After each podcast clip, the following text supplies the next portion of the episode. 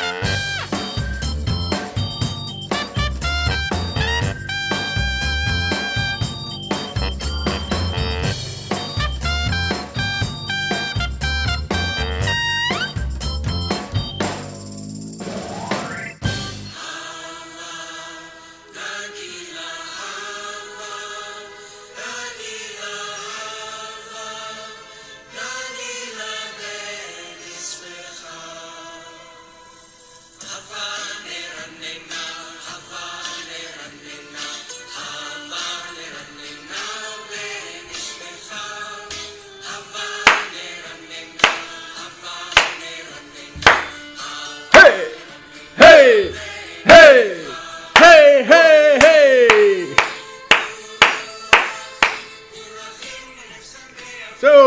Daar zijn we weer, Jeffrey.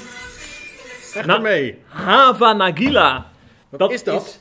ja, dat is eh, eigenlijk het lied van het Jodendom. Met dit lied wordt bijna iedere Joodse bruiloft ingeluid. Mhm. Ben je er wel eens geweest dan? Ja, een eh schoonzus van mij, Mhm. Jeanette, die is getrouwd met een eh, Jood. Oké. Dus ik weet precies hoe dat gaat op een Joodse bruiloft, ja. En ze gaan los daar, jongen. Maar, Al die heupen gaan schudden. hey, maar Jeffrey, waarom... we zitten niet op een bruiloft, hè? Nee, we zitten hier zeker niet op een bruiloft. Eh Waarom er is ook weinig reden om te feesten trouwens. Ik zeggen. Want eh, we hebben van het weekend te horen gekregen dat eh, in Duitsland het antisemitisme zo erg toeneemt. Ja. Dat, dat er door de antisemitisme-coördinator is aangeraden om geen keppel meer te dragen. En dat is natuurlijk een hele vervelende, ja, schokkende oproep. Zeker als je beseft dat er eh, 75 jaar geleden in Duitsland gaande was. Is het ook niet heel erg raar? Raar. Ja, het is een beetje alsof je tegen vrouwen met een minirokjes zegt... eh, draag andere kleren, want er zijn veel verkrachters actief. Ja, ja dan geef je dus eigenlijk toe aan, eh, aan Ja, de bedreigingen. Je pakt de slachtoffers aan. Ja. Je, of als aanpakken is het overdreven. Maar je, on, je ontraadt de slachtoffers iets te doen waarmee ze agressie kunnen opwekken. In plek van dat je de daders aanpakt. Mhm. Ja, Dus ik vind dat heel raar eigenlijk. Ja, nou ja, dat zijn ook heel veel mensen met je eens. Want Mhm. op Twitter zag ik inderdaad mensen die, eh, die dit bericht voorbij zagen komen ook met heel veel verontwaardiging reageren. Eh, trouwens, dat is maar een deel van de waarheid. Want ik moet ook zeggen, ga eens naar de gemiddelde eh, eh, vriend of kennis of familielid en ga eens vragen of zij dit überhaupt hebben opgemerkt, dit nieuws. Denk jij dat ze dan zouden zeggen van ja, dit, dit hebben we gehoord dat er in Duitsland gaande is? Ehm, dat ligt aan als ze op Twitter zitten of niet. Ja, dat is toch erg dat er dus één bubbel is in Nederland die dit allemaal volgt en dat verder niemand een idee heeft wat er met die Joden in Duitsland aan de hand Ja. is. Nou, Maar goed, dat is dan weer. en dat heeft natuurlijk ook met de media te maken. Hè? De media vinden het belangrijker om over homogenezing te praten. Maar daar hebben we het zo meteen Ja. over. Daar komen we nog uitgebreid op terug. Daar Ja, komen we uitgebreid op terug. Ja. ja. ja. Eh, misschien is het allereerst goed om eh, aan te geven dat er eh, ook eh, in de statistieken duidelijk is aangetoond dat er iets aan de, aan de gang is in Duitsland. Mhm. In totaal geregistreerd 1800 aanvallen van jodenhaat vorig jaar. Dat is een stijging van 20% ten opzichte van 2017. In Duitsland, hè? In Duitsland hebben we het nu over. En eh daar hebben we natuurlijk ook nog alleen over de geregistreerde gevallen. Want ik hoor elke keer weer als het hierover gaat, hoor ik eh, Joodse mensen zeggen van ja, ik doe geen aangifte, want het heeft geen zin. Dus als je die er ook nog eens erbij gaat optellen, nou, dan, kom je natuurlijk in de duizenden. En hoe zit het in Nederland? Is dat in. Nederland ook zo erg? Of? Eh, nou, ik heb de cijfers nu niet over Nederland, maar ik heb wel gehoord van het CIDI dat het in eh, Nederland, eh, dat de bedreigingen minder heftig zijn, zeg maar. Maar de stijging is ook in Nederland Ja, aanneembaar. in, elk, in elk Europees land neemt het toe. Ja. Zeker in West-Europa. Ja. Hey, en er waren natuurlijk ook wat reacties. Ja, daar waren inderdaad wat reacties. Nou, ik vind een van de belangrijkste vind ik toch wel Opperrabijn Jacobs. Want het is natuurlijk wel eigenlijk de voorman van Joods Nederland.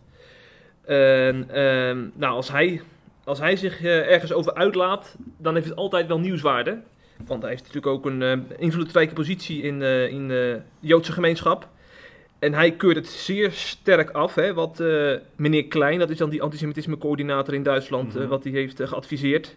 Ik vind dit een hele mooie quote, die moet ik even letterlijk aanhalen. Mijn eigen ouders moesten zich verbergen tijdens de nazi-periode en ik weiger mij nu te verbergen. Niemand moet ons vragen juist dat te doen. Zeker niet de man die belast is met bestrijding van antisemitisme in Duitsland. Volledig mee eens. Eigenlijk vat je daar helemaal mijn mening mee samen. Direct. Ja. En ik denk van heel veel mensen die tegen antisemitisme strijden. Mhm. En zich er tegen uitspreken. Ja, want eh, eigenlijk is het natuurlijk ook wel opvallend als je dan bedenkt dat ja, die antisemitisme-coördinator, die kent de geschiedenis van zijn land ook wel, neem ik aan. Ja.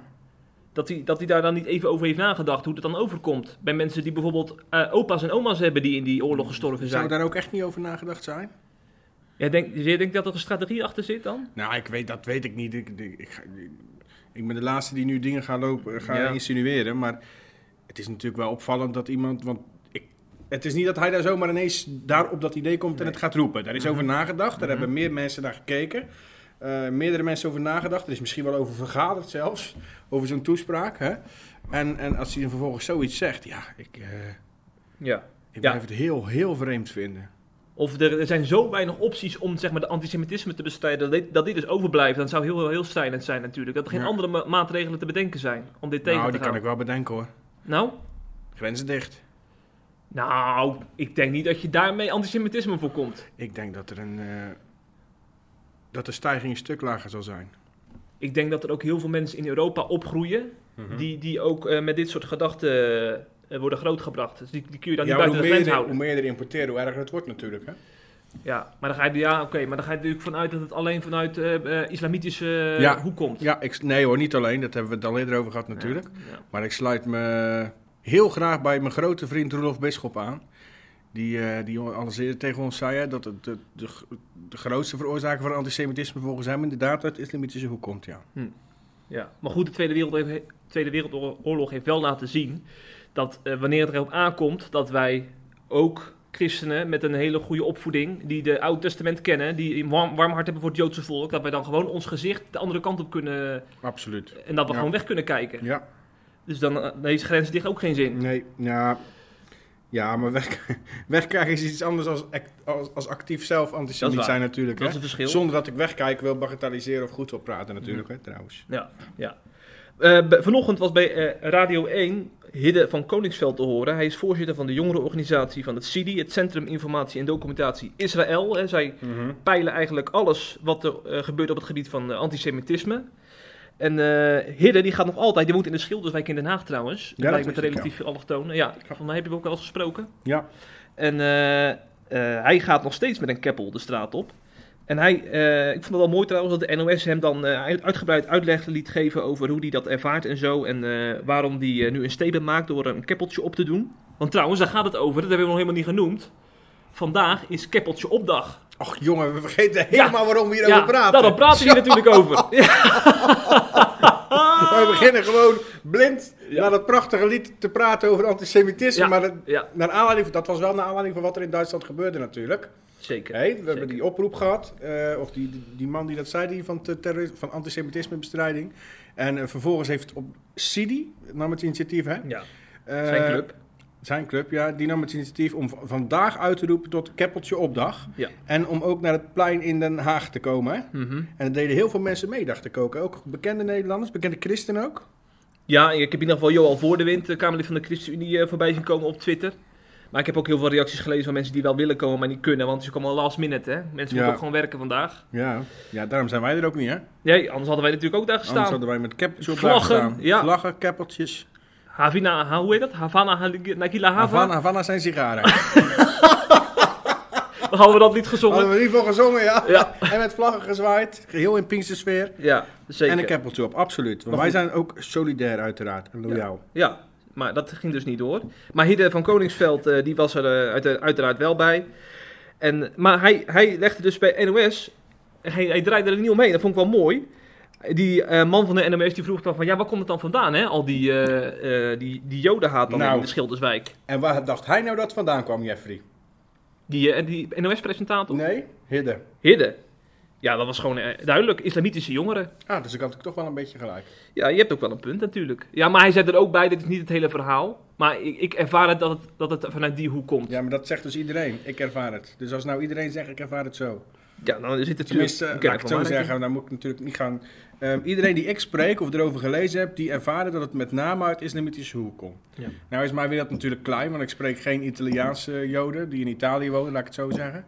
Ehm, of die in Hongarije wonen. Maar Mhm. hier, ik heb hier het idee, in Nederland zeker, en in Duitsland denk ik ook wel, dat het echt uit die hoek komt voornamelijk. Ja. Maar dan komen we weer terug op hetzelfde. ja, maar goed, het is wel eh, goed om dat te blijven benoemen, denk ik. Want ja, als je het eh, in bepaalde media te weinig hoort, dan moeten wij maar gewoon op blijven hameren natuurlijk. Ja. De, de mainstream media, die willen nog wel eens het verdoezelen waar het vandaan komt. MSM. Ik kan me nog herinneren, er was uitgebreid kwam het in het nieuws in, eh, zeg maar in Frankrijk, dat heel veel invloedrijke Fransen, dus schrijvers, opiniemakers, eh, politici, dat die een statement hadden gemaakt tegen de radicale islam en de toenemende antisemitisme. Dus die koppelden dat echt heel, heel erg duidelijk aan elkaar. En wat lezen we vervolgens bijvoorbeeld bij de NOS? Eh, dat het uit bepaalde hoeken komt, maar er wordt er niet benoemd waar precies het vandaan komt. En dan is er dus het nieuws dat, dat er een statement is gemaakt tegen antisemitisme, dan, maar dan lees je dus nergens de oorzaak. Dan denk ik van, dat is een halve waarheid. Het zou toch heel mooi zijn als, als, als schrijvers en acteurs en bekende Nederlanders ook zo'n statement zouden maken. hè? Ja. Erik van Muiswinkel bijvoorbeeld. Erik van Muiswinkel, Lijkt die, me een prima type daarvoor hoor. die Even- zou Sinterklaas spelen hè, in Ja, Amsterdam. Gaat niet meer door hè? Gaat niet meer door. Nee, jammer. Jammer voor hem. Heel jammer. Hm. Zal ik het doen? Jij Sinterklaas. Dan nou, mag jij... Oh nee. je hebt al een beetje een baard, en die moet je een beetje laten groeien. Ja, dan mag jij mijn Zwarte Piet zijn. je hebt al een beetje een kleurtje, dus dan ja. laten groeien. Ja, zeker, zeker. Maar ik moet wel eerlijk zeggen, ik ben al benaderd als Sinterklaas. Dus Zwarte Piet gaat hem niet meer worden. Word ik jouw Zwarte Piet. Ja, Laten wij nou eens politiek correct gaan zijn. Dan ga jij als donkergekleurde Sinterklaas spelen. Verder, oh nee, zwart mag dan niet. Ga ik een paar roetstrepen op mijn gezicht doen. Ja, En dan word ik je knechtje. deal. Dan ben ik hele dagen trouwens ook jouw knechtje. Ja, zeker. Ik geef allemaal opdrachten. Ik Jij moet ze uitvoeren. Ik doe hier. alleen maar wat jij wil. Kijk, Heel mijn leven al. zo eh, komen we toch nog eh, nader tot elkaar op deze manier. precies. Maar Mooi. we dwalen af, vriend. Ja. Misschien is het goed om nog even te wijzen op een interessante video van Christenen voor Israël. Daar eh, is Ke- Kees van Velzen actief, een spreker die je pas ook nog hebt geïnterviewd trouwens. Een hele interessante man. Hij heeft eh, een jaar geleden een video opgenomen Ja, met een over keppeltjes ik heb het gezien. Ik was, vond het een beetje eh, ehm, te veel gericht op emotievideo. Ik ben het ook helemaal niet, niet helemaal eens met de boodschap van, eh, van Kees. Of dominee van Velzen. Hè? Ja, Eh, want hij zegt dat, eh, dat het antisemitisme en, en, en de, de haat richting het keppeltje... dat het vooral te maken heeft met, ehm, eh, met, met, met, met de god van de joden. Dus hè, de joden dragen dat keppeltje om, om te erkennen dat er, dat er meerder is. Iemand die boven hen is nog, dat is god. En de hekel richting het keppeltje... en daarmee antisemitisme is volgens hem vooral de hekel richting hun god. Nou, ik denk dat het niet zo is. Oké. Ik denk niet dat eh, al die ehm, mensen die eh, antisemitische uitlating doen richting Joden eh, God haten. Ik denk echt dat het richting het Joodse volk dat het op het Joodse volk zelf gericht is. Hm, hm. Maar er zit natuurlijk een geestelijke dimensie achter. Dan zeggen mensen dan natuurlijk van... eh, God he- heeft eh, een plan met het Joodse volk. Hè, en daar, daar, vanuit dat plan wil hij de rest van de wereld bereiken. Ja, maar dat weet Dus- het Marokkaantje in de Schilderswijk toch niet? Nee, nee, oké. Maar als je natuurlijk naar het geestelijke verhaal kijkt... dan zeggen natuurlijk de mensen als Kees van Velzen... de duivel gebruikt die jodenhaters... om, om zo het volk van God natuurlijk het, eh, Ja. zo moeilijk mogelijk te maken. ik vind het een beetje vergezocht. Ik snap het ook wel vanuit de positie van Ja. Kees van Vels dat hij het doet. Maar ik denk echt niet dat. Ik denk echt dat de haat vooral gericht is richting het, richting het volk, de Ja. Joden. En niet richting de God van de Joden. Mhm. Al zullen ze daar ook niks van moeten hebben hoor, als je daar naar vraagt. Maar ik denk dat ze daar niet eens zo mee bezig zijn. Hm, hm, hm. Oké. Ehm, ja, dan moeten we toch naar Dilan Jezilgus gaan, een VVD-Kamerlid. Zij heeft nogal van zich laten horen op Twitter de laatste dagen, want zij heeft een motie ondertekend die tot de nodige vraagtekens eh, leidt en ook tot gefronste wenkbrauwen. Ik Nou. zie jouw wenkbrauwen nog niet echt fronzen, Nee. maar die zijn de afgelopen dagen behoorlijk heen en weer gegaan, Ja. kan ik me zo voorstellen. Nou, vertel jij maar eens eens even wat ze gedaan hebt. Dan kan ik me nog even op adem komen. Oké, ja. Nou, ik heel deze, boos word. Deze mevrouw heeft trouwens in samenwerking met een aantal andere Kamerleden, waaronder Van de Hul van de PvdA en eh, Vera Bergkamp van D66. Zijn dat die diezelfde vrouwen die die petitie over de Nashville eh, laatst eh, heel demonstratief in een roze pakje gingen? Klopt, dat zijn die vrouwen, ja. Ja. Precies Oeh, dezelfde. Ja. Deze progressieve Kamerleden van ja, linkse partijen, kun je toch wel stellen, Mhm. die hebben een motie ondertekend waarin wordt gepleit voor een verbod op homogenezing. Dat is een vrij korte motie, eh, maar daarin kun je wel een aantal dingen halen. Ze stellen dus dat eh, er eh, therapieën worden aangeboden waarbij dus homogenezingen worden uitgevoerd. En dat daarbij onverteerbare handelingen plaatsvinden, waardoor jongeren eigenlijk worden gedwongen om ja, hun seksuele gerichtheid aan te passen. Dus zij moeten eigenlijk hetero worden. En ja, dergelijke handelingen kunnen volgens hen leiden tot fysieke en psychische schade.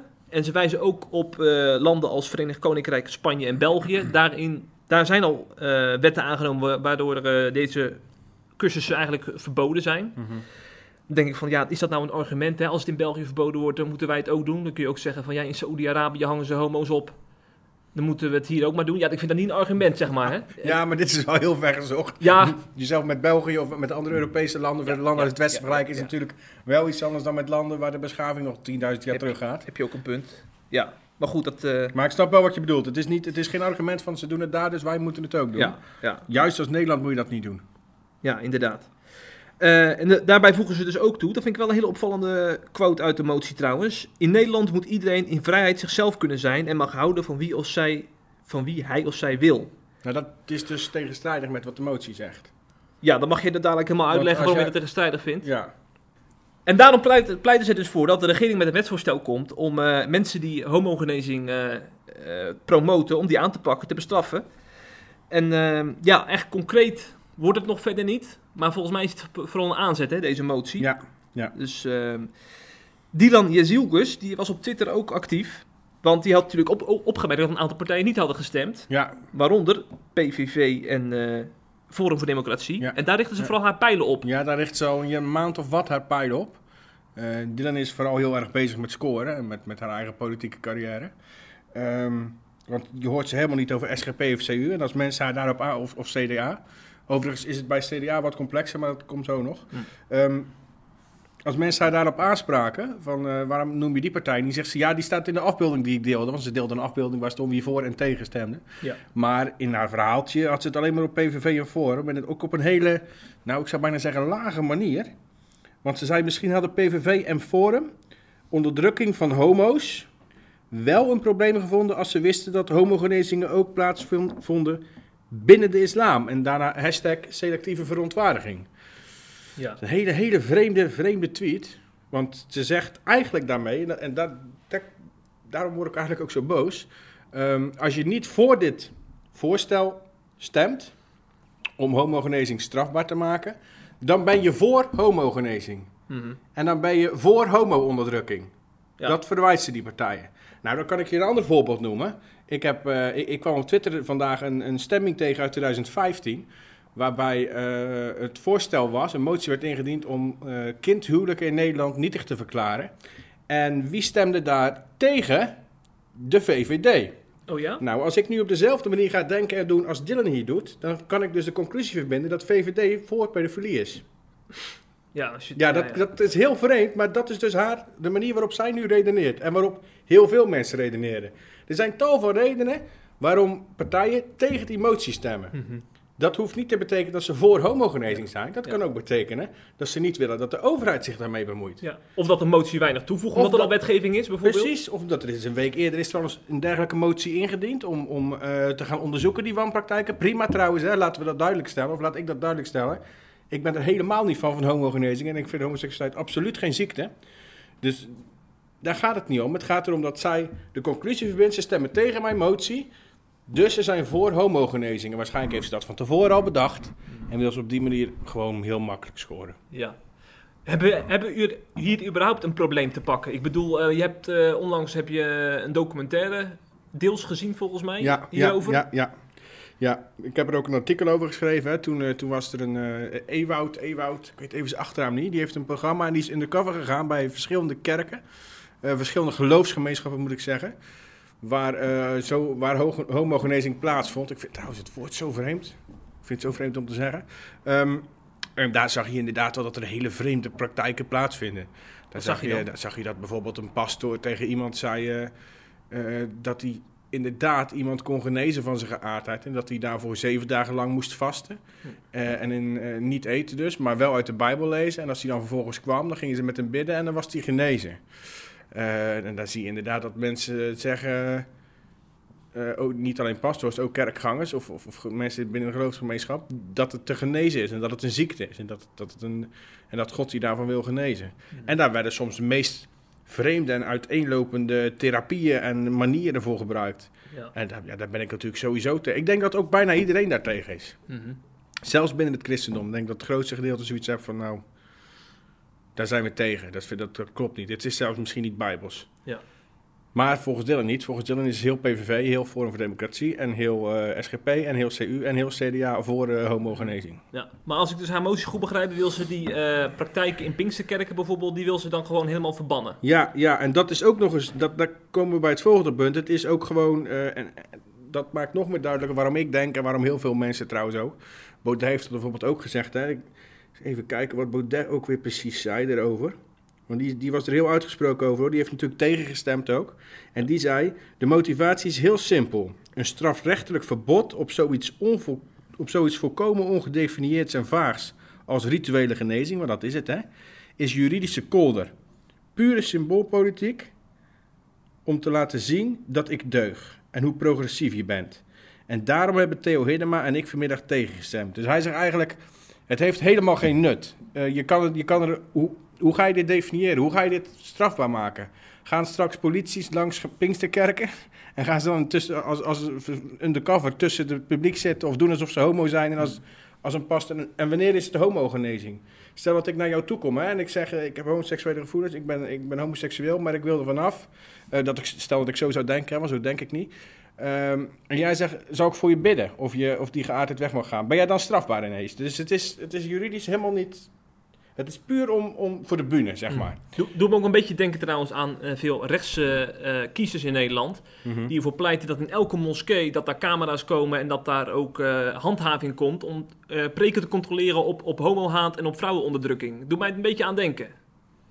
Ja, hetzelfde idee. Dat, heeft toch ook, dat, dat is ja. toch ook, gaat ook tegen de liberale ja, waarden van ja, Nederland in, dat soort maatregelen? Ja, precies. En dan zeggen anderen, ja, dan zal ik anderen weer op Twitter zeggen, ja, maar de liberale waarden die stoppen op het moment dat mensen uh, uh, door gekwetst kunnen raken. En dan bedoel ik niet gekwetst als in dat ze zich beledigd voelen, maar gekwetst als in dat ze echt uh, beschadigd raken, zeg maar. maar ja, dat, dat is natuurlijk bij heel veel dingen zo. Dan kan je religie over, ze, over in zijn algeheelheid gaan verbieden. Want hoeveel mensen zijn er niet die, die met een kerk of religie hebben gebroken, die zeggen ik heb er nog steeds last van. Hm. Dus dat, dat, dat, ja... Ja. Als je echt zo liberaal bent, dan kan je hier dit. Ik, ik, je kan tegen homogenezing zijn, ik ben daar ook tegen. Um, maar de overheid kan, dat niet, kan zich daar niet mee gaan bemoeien. Die kan dat niet strafbaar gaan stellen. Mm -hmm. dat, dat is, dat is te, te, zot voor woorden in Nederland. Waarin we juist streven naar die, al die liberale waarden hè, waar we het net over hebben. Ja, ja. Neem niet weg dat, uh, dat er natuurlijk een ontwikkeling gaande is waarbij homo's toch het idee hebben dat, ze, uh, dat het leefklimaat voor hen steeds onveiliger wordt. Als ik, als ik hoor dat uh, ze, als je hand in hand loopt in bepaalde gebieden in Nederland, dat je dan weer uh, moet vrezen. Hm. dat je iets aan je kop kan krijgen. Zou dat in de Pinksterkerk zo zijn, denk je? Nee, ik denk dat ze daar wel onderscheid maken tussen, tussen gebed in Jezus' naam en geweld. Dat ze ja? daar niet zo snel nee. Doen. Precies. Misschien dat Dylan zich daar druk over moet maken dan. Ja, nou, dat is een idee. Ja, oh, dat zou dus een afleidingsmanoeuvre kunnen zijn. Nee, dat denk ik niet. Want okay. ik ook, oh, Dylan spreekt zich ook sowieso wel uit, hard uit tegen dingen hoor. Hm. Alleen, ik vind dit, dit, ik vind dit een beetje... Het heeft geen nut. Hm. Het heeft gewoon echt geen nut. Praktisch gezien heeft het nul nut. Ja, ja. Nou, we gaan kijken of de regering de, horen, de koe bij de horens gaat uh, pakken. Ja, en laten we ook vooral niet vergeten dat christenen een minderheid zijn hè. We kunnen altijd oh, ja. voor homoseksuelen opkomen. We kunnen altijd voor uh, joden opkomen. En dat is heel goed allemaal. Maar christenen zijn ook een minderheid. Hè? En de christenen worden nu eigenlijk soms weggezet, ook binnen de overheid en ook binnen de pers, als de meerderheid die al die minderheden onderdrukt. Maar dat is hmm. natuurlijk niet zo. Hè? De christenen zijn een minderheid. Ja. En die worden juist onderdrukt. Iedereen mag alles vinden, behalve christenen. Mm -hmm. Want als christenen een verklaring ondertekenen waarin ze zeggen tegen homoseksualiteit te zijn, willen ze dat ze vervolgd worden. Als christenen anders denken over termen als abortus en euthanasie, is de heel Nederland op zijn kop. Dus iedereen mag alles vinden, behalve christenen. Hm. Dat is een beetje, vind ik heel raar. Ja, ja. Patrick Simons heeft gesproken Zo tot het Nederlandse volk. Neem het ter oren. maar goed. Jij hebt nog een heel bijzonder interview gehad ja, uh, nou, ja, een tijdje geleden. Ik heb een heel bijzonder interview Rosanne gehad. Tromp heet zij. Rosanne Tromp, ja. Rosanne Tromp heeft heel veel meegemaakt in haar leven. Eigenlijk van jongs af aan al. Zij is opgegroeid met... Uh, een moeder die uh, destructief gedrag vertoont naar haar kinderen toe. Dat, dat is ook een bepaald syndroom hoor. Ik weet alleen even niet uh, meer hoe dat heet. Um, dus die wilde haar kinderen ziek maken. Dat heeft uh, enorm veel gevolgen gehad. Dus eigenlijk, ze zegt zelf, ik ben in duisternis opgegroeid. Um, het kostte haar zussen, haar twee zussen, hun leven. Die hebben uiteindelijk een, een einde aan hun leven gemaakt. Um, heel triest verhaal. Rosanne is naar eigen zeggen net op tijd ja, weggevlucht thuis. En die kwam toen in een gezin terecht. eh, waarin ze heel liefdevol is opgevangen. Waarin ze eh, ook echt eh, God heeft leren kennen. En met God, al- althans daarvoor kennen ze God al allemaal. Maar daar in dat gezin, toen brak God pas echt door in haar leven. Ehm, maar ze had wel van jongs af aan al ehm, chronische lijm. Hm. Chronische liem. Chronische lijm is het, hè? Lijm. Lime. Ja. En eh, dat is nooit, eh, ja, dat, dat gaat niet zomaar weg. En dat heeft ze nog steeds. En het wordt erger en erger. Ze is 38 jaar inmiddels, 39 jaar. En ze gaat nu heel hard achteruit. Eh, en het vreemde is dat die ziekte in Nederland eigenlijk niet erkend wordt. Dus er wordt ook amper iets aan gedaan. Het enige wat ze doen is eh, door die ziekte ontstaan, bijvoorbeeld infecties enzovoort. Ehm, en die bestrijden ze dan, de symptoombestrijding zeg maar. Maar verder doet, maar verder doet ze niet zoveel, doen ze daar niet zoveel aan. Dus eh, ja, er is eigenlijk hard iets nodig om iets met haar te doen. Eh, en dat kan eigenlijk alleen maar in Amerika. Het kan ook in andere landen, maar de beste behandeling eh, vindt in Amerika plaats. En ja, daar is een crowdfund-actie voor opgestart. Dus ik wil iedereen oproepen om het artikel te lezen op SIP, op sip.nl. En daaronder staat ook een link naar die crowdfund-actie. Oh, ja. Om haar te helpen, want ze, dat heeft ze echt heel hard nodig. Hm. En het was trouwens zo echt een hele bijzondere vrouw die... nou ja, ik, kijk, als ik, als ik een griepje heb, Mhm. dan lig ik al op de bank te klagen en te steunen en te kreunen. En eh, dan is er niks goed. En eh, als er iets tegen zit in mijn leven. Maar deze vrouw heeft zoveel tegenslagen en Jo. zoveel ellende. Nog steeds, maakt ze nog steeds mee. Ze heeft ook een kindje trouwens. Oh. Eh, ze is getrouwd, ze heeft een kindje. Maar ondanks al die ellende blijft ze hoop houden. En blijft ze zeggen, ik weet zeker dat dit niet Gods plan met mij is. God heeft een plan met mij en ik ga genezen. En ik, Ik ga genezen, zegt ze dan? ja, ik ga genezen. Is dat niet een beetje riskant om dat te, te zeggen? Nee, want ik, ehm, als ze die behandeling kan krijgen in Amerika, dan is de genezingskans ook wel echt groot hoor. Dan is het niet eh, zeg maar een klein kansje of, of een eh lot uit de loterij, dan is de genezingskans echt vrij groot. De meeste volgens mij die naar die, die behandeling ondergaan, die genezen of, of de ziekte komt onder controle, waardoor je veel, heel lang kan leven nog en ook met een goede kwaliteit van leven. Hm. En dat is niet alles. Ze heeft ook dan echt nog een plan. Ze wil, ze wil haar leven in dienst van God stellen. En ze wil naar, ehm, ze wil naar het buitenland om, ik dacht India, maar dat weet ik niet zeker. Daar heeft ze haar man ook ontmoet om, om een ziekenhuis te beginnen, een zendingsziekenhuis. Zo. Dus, eh, en dat ziet ze als Gods plan met haar leven. En juist daarom denkt ze dat, dat ze gaat genezen. Zou dat zo bijzonder zijn, hè, als dat zo ja, het is. zou heel bijzonder. Maar het was een heel bijzondere vrouw. Het is een heel bijzonder gesprek ook trouwens. Ja, hoe ging het eraan toe dan? Want eh, Nou, ik heb haar ehm daarnaartoe eh, afspreken kon eigenlijk niet. Er is ze te ziek voor, want ze is zo ziek dat ze ehm, eigenlijk per dag moet bekijken hoe het gaat. En ze ligt 18 van de 24 uur eh, per dag ligt ze op bed aan het Oh. zuurstof. oh, Eh, toen ik met haar belde, zat ze ook aan het zuurstof, had ik het, idee- of had ik het idee, dat vertelde ze ook. Ze zegt, als je iets hoort, dan is het mijn, eh, mijn zuurstofapparaat.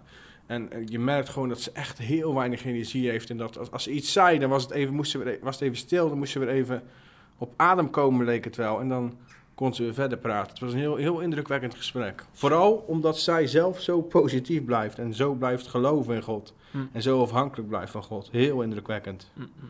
ja. We hebben een paar weken geleden hebben het over King Gabaan gehad, die Mhm. eh, inmiddels eh, bij de Heer is. Ja, Maar die doet een beetje, zeg maar, die geloofshouding doet een beetje aan haar denken ook. ja, ja, ja daar kan je het ook wel mee vergelijken. Maar dan minder bekend, hè? Ja. Maar het geloof is net zo groot hoor. Hm. Of laat ik het zo zeggen, het hangt niet van jou of mijn geloof af, maar God is net zo groot. De God Hm. is net zo groot. Ja, ja. Dus eh, het interview is op cip.nl te lezen. Ja, En je- Rosanne Tromp heet ze. Zo'n Tromp. Ja, niet Trump, hè? Niet Trump, nee, Nee, nee. maar één iemand- letter verschil, Dat is iemand anders. Ja. Dat, een wereld van verschil, ja. En als je dan toch naar het interview gaat, dan zou ik zeggen van word dan gelijk even CIP plus lid.